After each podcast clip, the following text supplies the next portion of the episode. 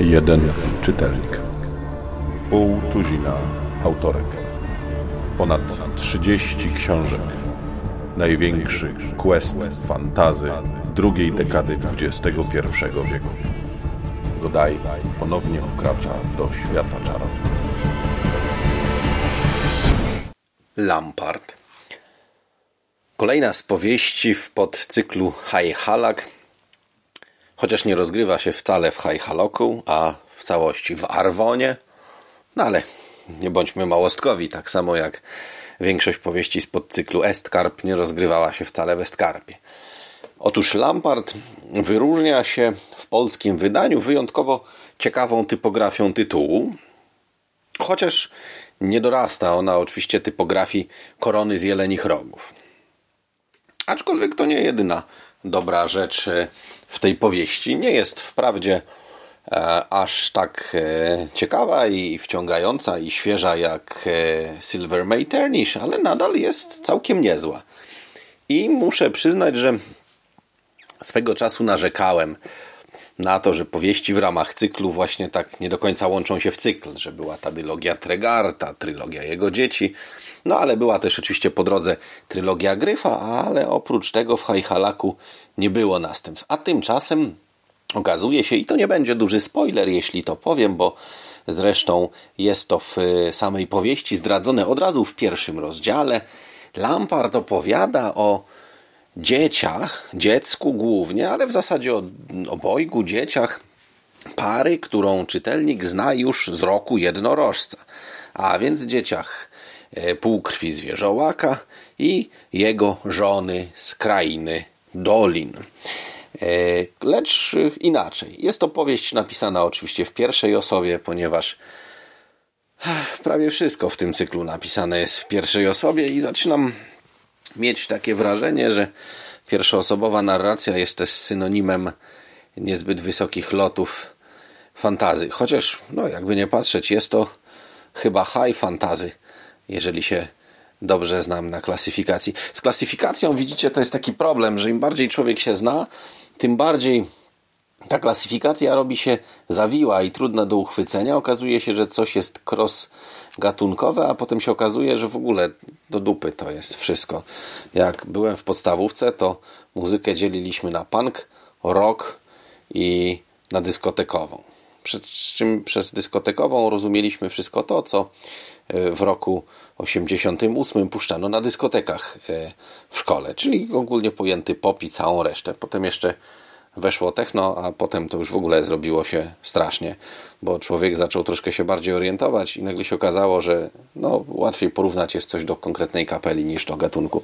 I tak samo jest też z literaturą, ale umówmy się, że powiedzmy jest to high fantasy, chociaż stanowczo nie jest to literatura wysokich lotów. Otóż główny bohater, Ketan, e, Kethan, w zasadzie powinno się to imię chyba z angielska czytać, mnie kojarzy ono się ze scjentologią, e, staje się ofiarą intryg dworskich. Jest on, tak jak e, przed nim Lord Kerowan, z którym nie ma nic wspólnego za bardzo, e, cóż, ofiarą ambicji swojej matki. Ponieważ matka jego chciała urodzić dziedzica, który e, zgodnie z prawem Arwonu zastąpi swego wuja na tronie w zamku, zostanie panem na zamku. Ponieważ u nich jest tak, że tron zamek, w ogóle władztwo dziedziczy syn siostry władcy, a nie jego własny syn. To trochę dziwne i niecodzienne. Oprócz tego ludzie z Arwonu od ludzi z Hajhalaku różnią się tym, że byli tam już dawno i że żyją bardzo długo. Żyją tak bardzo długo, że pewien stary e, woj na zamku, na którym mieszka Ketan. Pozwólcie, że będę mówił to w ten sposób, to imię, mimo że nie jest to do końca poprawna wymowa, i który jest mu przyjacielem, i takim jakby opiekunem, pamięta czasy, kiedy oni z doliny, z krainy dolin wyszli drogą wygnania przez odłogi i trafili do Arwonu. Przy czym im dłużej czytam o tych wszystkich krainach, tym bardziej dochodzę do wniosku, że mapy, które są dostępne, mapy świata czarownic, a konkretnie mapy zachodniego kontynentu, na wschodnim kontynencie jakoś to tam się trzyma kupy. Jest pewien problem z położeniem karstenu, ale to jest detal że one są do kant dupy bo tak naprawdę jaki byłby sens wychodzić drogą wygnania, która wiodła w głąb odłogów, żeby dojść, mówię tutaj na zachód, na odłogi, żeby dojść do kraju, który leży na północ, a w zasadzie w stosunku do krainy dolin, jeżeli dobrze orientuje się w kierunkach na mapie, to na północnym wschodzie. No ale mniejsza z tym, ludzie ci żyją bardzo długo, a oprócz tego należą do klanu na przykład czerwonych płaszczy, zielonych płaszczy, żółtych płaszczy i jeszcze jakichś innych płaszczy. I oprócz tego są szare wieże, gdzie na przykład mieszkają zwierzołacy i oprócz tego są głosy mocy z góry i oprócz tego w lasach mieszka mnóstwo różnych ludzi i generalnie to są tacy sami ludzie jak w Hajhalaku, tylko, że oni w Arwonie byli zanim ludzie z Hajhalaku, a w zasadzie ludzie z Halaku przybyli do Hajhalaku. I o, i dawno temu, tak jak w Eskor, toczyła się tam wielka wojna. I ci ludzie boją się wielkich adeptów i tego, co czasem wypełza, i w ogóle nadchodzi znowu wielka wojna między ciemnością a światłem.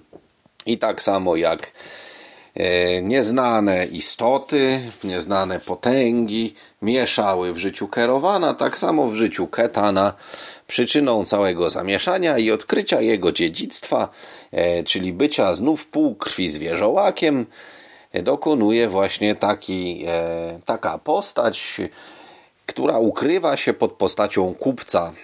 Kupiec jest fajny, ma wielbłąda i pas z lamparciej skóry. Tu jeszcze taka ciekawostka, dlatego że po polsku przetłumaczono tę książkę jako Lampard. Nie jest to dokładne tłumaczenie. W oryginale nazywała się ona Jargon Pard i było to zwierzę takie mityczne, przypominające owszem w ikonografii święto tej średniowiecznej Lamparta, ale nie do końca. Miało też magiczne właściwości i ogólnie rzecz biorąc nie było zwierzęciem prawdziwym, a takim, no właśnie, zwierzęciem magicznym. I Jargon Pard to jest właśnie to, w co Ketan przemienia się w tej książce. A może mi się zdaje, bo może to jest tak jak z klątwą Zarstora, gdzie klątwa jest na okładce, a w książce wszędzie jest przekleństwo.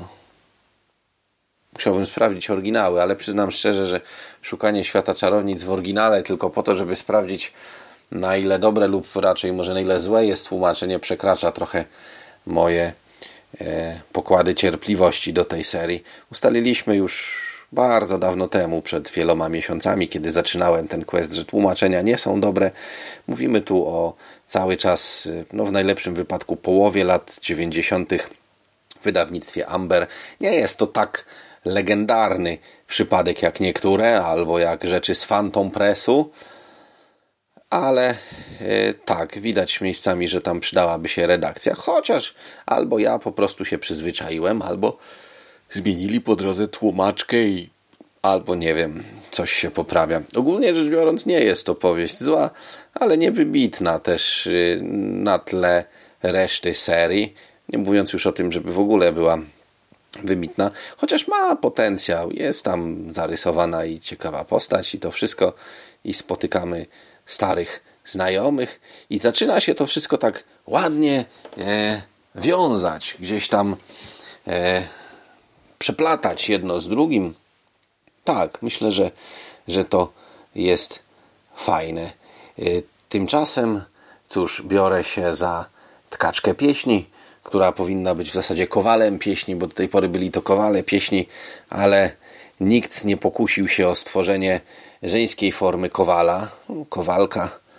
Być może to nie są te czasy współczesne jak dzisiaj, kiedy mamy takie słowa jak naukowczyni i nie wolno głośno powiedzieć, że słowo to brzmi śmiesznie, bo jeszcze się ktoś oburzy.